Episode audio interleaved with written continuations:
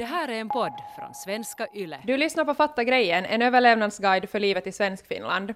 Hur klarar man budgeten som student? I två delar kommer vi att snacka om hur du blir en rik student genom att planera din ekonomi.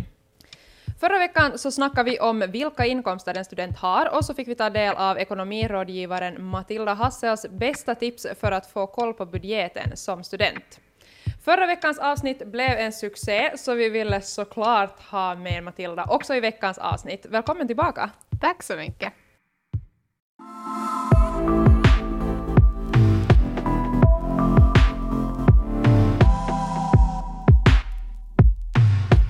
Det här eh, avsnittet lär bli minst lika bra, för idag så kommer du att svara på lite olika frågor som berör privatekonomin. Vi har alltså satt ut en frågeställning på vår Instagram där du har fått ställa just din fråga om privatekonomi. Vi kör igång med första frågan helt enkelt. Hur mycket pengar är bra att ha i buffert? Och vad är en buffert för den delen? Om vi börjar där. För det låter lite som buffé. Är det samma sak? Det är din egna buffé av pengar. Ah, Ja. Uh, buffert är det som vi pratade om i förra avsnittet, alltså den här, den här nödlösningen för uh, ja, när saker händer, när livet kommer emellan. precis. Uh, bilen går sönder om du har en sån eller uh, det kommer hela tiden sådana här saker som inte vi har räknat med som vi behöver använda pengar till och då är den här bufferten är alltså någonting som, som räddar dig då. Precis. Eh, alltså sparade pengar som finns på ett vanligt sparkonto som du lätt kommer åt. De ska inte vara låsta, men du måste också ha lite eh, självreglering så att inte du går dit och, och tar av de där pengarna bara liksom för att till alla de här nöjena som vi pratade om. Precis. Okej. Mm. Eh, men det är inte individuellt hur mycket man ska ha i den, för att det beror helt på dina utgifter. Mm. oftast tänker man att man ska ha enligt inkomster. Eh, men inkomsterna är ju inte vad ditt liv kostar, utan det är utgifterna. Mm. Så att kolla och fundera lite att hur mycket, hur mycket kostar en månad för dig och sen kan du ha en, en två, tre månader Precis. kring det. Ju, ju mer desto bättre antar Ja, jag. absolut. Sådär.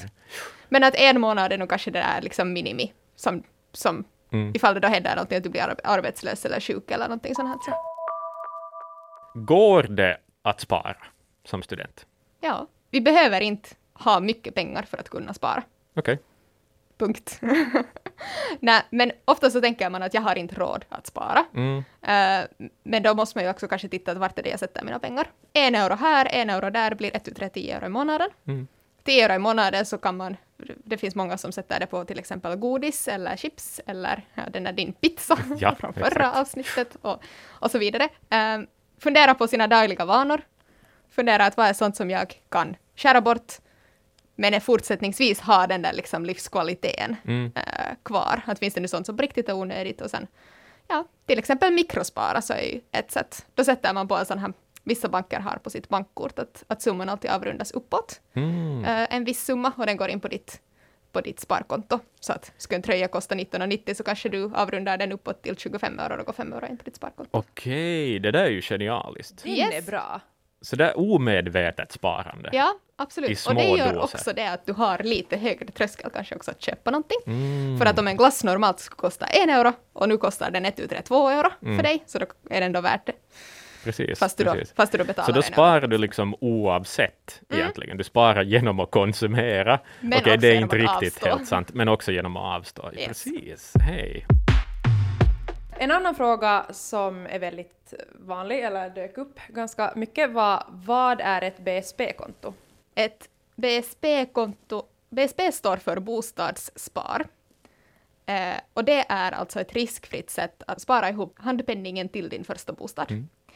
Eh, vi drömmer väldigt många av oss om att köpa en, en bostad och när du gör det så ska du ha en handpenning. Alltså att du kan inte låna 100 procent av bostadens värde av banken, utan banken ska säga att, att du har sparat ihop en viss del. Och man får inte ens i Finland låna 100 procent, utan, utan gränsen brukar ligga på 90. Okej. Eh, Så det betyder att du ska ha så här 10-15 procent av bostadens värde ska du ha själv. Eh, Och BSP-konto är då alltså ämnat precis för det här. Mm. Eh, De här pengarna är alltså låsta. Det ser, det ser ut som ett sparkonto Mm. i din nätbank, men de är, de är låsta. Du slipper inte att, att snatta av dem av dig själv. Mm. Eh, men de är fortsättningsvis alltså inte placerade, så du kan inte förlora de här pengarna, utan dina pengar är fortsättningsvis dina pengar där på det där, det där kontot. Precis. Eh, när du då har tagit eh, eller sparat på ett BSP-konto så får man ta ett BSP-lån och det har då bättre lånevillkor än vanliga bostadslån.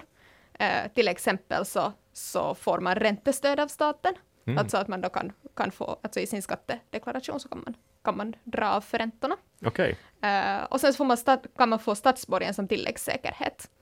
För att när du har tagit ett lån på, på 90 procent så står din bostad som en del eh, av, som en säkerhet till en del av det lånet. Mm. Men den resterande delen av din, ditt lån som fortsättningsvis är utan säkerhet, Mm. så måste du ha någonting an, en annan säkerhet till.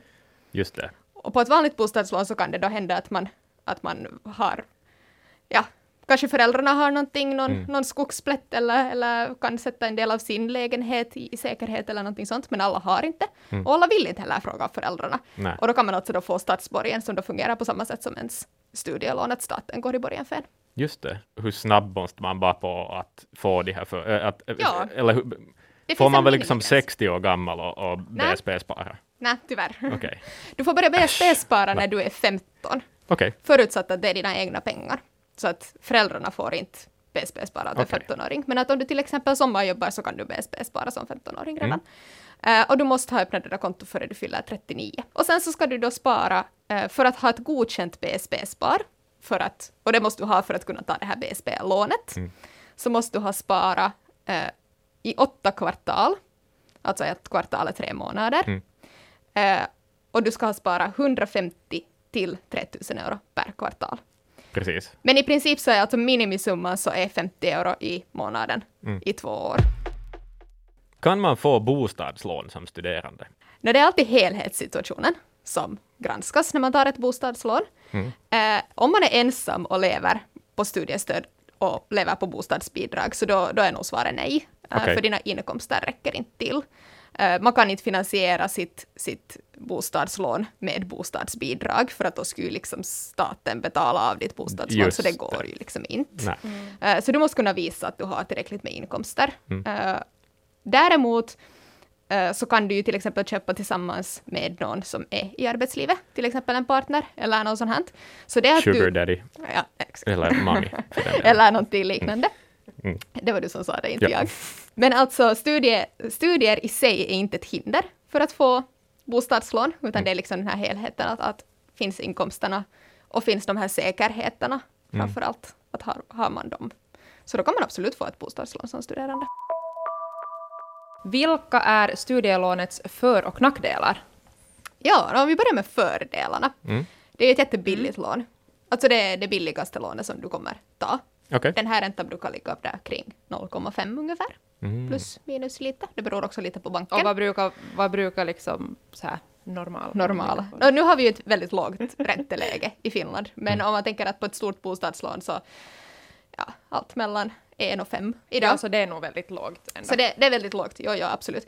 Eh, och speciellt om man tänker att det är ett ganska litet lån, eh, så, så är det också väldigt lågt. För att ju, ju mindre lån du tar, desto högre brukar räntan vara. Så om man tänker till exempel snabblån, Mm. som är väldigt små lån, så de har också, idag har vi ett räntetak på 10 procent Mm. på dem. Och då jämför vi det med den där 0,5 som du kan få då på studielånet. Eh, sen har du möjlighet till statsborgen, eller du får statsborgen, vilket betyder att du behöver inte ha några andra säkerheter för det där lånet. Eh, och sen så kan du ju få studielånsavdrag om du blir färdig i tid, vilket betyder att, att du blir förlåten för en del av ditt lån. Mm. Att du betalar inte tillbaka så mycket som du har lånat. Nej, och idag är den summan, du måste själv betala tillbaka 2500 euro. Okej. Så från den totala summan som du har lyft så, så dras det först minus. Och från den resterande summan så räknar eh, FBA att de betalar 40 procent. Oj, Så, det, är väldigt mycket. det är många, många förlåten. det är ju en morot. Det är en extremt bra morot. Och du, då måste du bli färdig i tid. Eh, men där är också, om du håller en normal studietakt så blir du lätt färdig Mm. enligt de gränserna. Och Där kan ju så- vissa handla, hamna ändå utanför, tänker jag. Så där man kanske mitt i studierna fattar att man vill byta inriktning eller någonting, och så, så drar det ut på tiden på det sättet att man måste lite börja Ja, om. men där har, där har FBA faktiskt tänkt på det här också, så att, att där finns en sån här liten förlåtelse. Det, det, det räknas enligt totala studiepoängen Okej, som man studerar. Och nu också under corona så, så har de också fattat att, att hej, det kan hända att inte folk blir färdig Mm. riktigt lika snabbt, så nu har de också lagt till, jag tror det är ett halvår som de har lagt till. okej.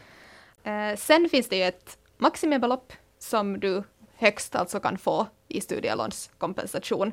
Eh, de här summorna så beror helt på sen hur, alltså examens omfattning i studiepoäng, alltså beroende på hur lång studietid du har. Mm. Eh, men de här finns på, på FPAs hemsida att, att läsa. Så ja, och sen så får man ju liksom, alltså studielånet bidrar ju till en hållbarare vardag Mm. och bättre ork, när man inte behöver stressa över den där ekonomin hela tiden. Eh, och sen när du sen blir färdig så får du en betalningsplan från FPA egentligen som skickas till banken, så du får brev från banken men det kommer från FPA. Eh, men den här kan du ju alltså sen då redigera så att den passar din egna situation. Och normalt så brukar de här betalningarna ligga på ja, under 100 euro Mm. i månaden, så man behöver inte heller vara rädd att det kommer någon sån här 500 euros räkning sen någon gång neddimpande. Precis. Jag tror jag betalade i början, efter att jag hade slutat studera, så betalade jag tror jag 75 euro i månaden tillbaka och nu har jag bumpat upp det till någon 150 då kanske. Ja men exakt, för att få bort det lite Ja. snabbare och det är helt vettigt. Sen nackdelar så är det ju att det att ett lån är ju alltid ett lån Mm. och det ska betalas, det ska betalas tillbaka. Men det är i princip den enda, den enda nackdelen med det här lånet. Rent konkret, hur söker man om studielån? Studielånet och den här statsgarantin som man behöver till studielånet, så de beviljas i samma beslut som studiestödet. Okej. Du behöver alltså inte ansöka om att få det skilt, utan när du har ansökt om att få studiestöd så kommer det på samma, på samma papper helt enkelt. Mm. Du behöver inte heller klicka in något extra någonstans, utan det kommer automatiskt. Eh, när du har fått det, så då är det bara att, att logga in på din egna bank och ansöka om det. Okej. Sen pratar banken och FBA pratar sinsemellan, så att de får det där beslutet Mm. därifrån. Men det ska liksom inte vara något hinder i vägen. Du behöver inte, det, det är inga större kliv. Du behöver inte boka ett bankmöte kanske. Nej, inte alls. Okej. I, idag, idag så har de flesta banker nog så att du kan, kan skriva under alla lånepapper också, Mm. också på nätet. Och du behöver inte... Studielånet räknas också som ett så pass litet lån så du behöver inte heller diskutera så mycket, mycket kring det. Påverkar studielånet min inkomstgräns för studiestödet? Nej, det gör det inte. För lån är ju inte en inkomst. En inkomst är ju lön eller arvoden, stipendier, eh, det kan också vara kapitalinkomster och så vidare och så vidare. Men studielånet är ett lån och det är inte någonting, det är någonting som du ska betala tillbaka. Så nej, det påverkar inte din, din inkomstgräns överhuvudtaget. Hur mycket stöd får jag från Kela, FPA, då man studerar? Va, vad är det för summor vi pratar om? Om vi tar den här stereotypiska studeranden, du, har, du är över 18 år, du bor självständigt. Mm. Eh, that's it. Så då får du 253 euro i månaden Mm. eh, under 2021. Så får vi se vad som Och det är då studiestöd? Det är studiestödet. Yes. Sen till exempel om man, eh, om man plussar till ett minderårigt barn i den kategorin, att, att man har ett barn också att försörja, så då höjs summan till 355 euro. Eh, och på samma sätt så ifall det är så att du är under 18, bor tillsammans med föräldrarna så då kan det påverka, men grunden är 253 euro i månaden. Okej. Och sen kan du då förstås få då allmänt bostadsbidrag ännu till. Och det varierar då på basen av hyrans, in, alltså hyrans storlek, dina inkomster, bos, boendeort. Där är ganska, ganska, det är mera rörigt helt Mm. enkelt. Ehm, och sen där finns också ett maximibelopp vad du kan, vad du kan få. Okej, men alltså studiestödet är samma för alla och bostadsbidraget kan variera. Yes, precis så. Har man råd att skaffa familj som studerande? Mm. Den här frågan så får vi ju nog ofta Mm. eh, på Martaförbundet. Det finns inte någon exakt summa på vad man ska ha i lön eller vad man ska ha sparat för att kunna skaffa familj. Eh, utan det är ju det att du ska kunna bi- alltså ge det här barnet en trygg tillvaro. Du ska ju kunna ge det ett tryggt hem, ett stabilt hem. Det är viktigare än vad din bruttoinkomst är. Alltså kan du, kan du garantera att det här barnet får en, en trygg och stabil uppväxt tillsammans med dig. Man får ju förstås alltså hjälp och stöd, man får barnbidrag och så vidare, men man ska räkna med att eh, ett barn är en extra kostnad i hemmet i snitt med ungefär 15 procent i Mm. Finland enligt de undersökningarna som har blivit gjorts. Okej. Och sen så påverkar det ju förstås dig som, som mamma eh, och som pappa också förstås eh, i framtiden. Om man till exempel är föräldraledig länge så Mm. påverkar det sen din pension.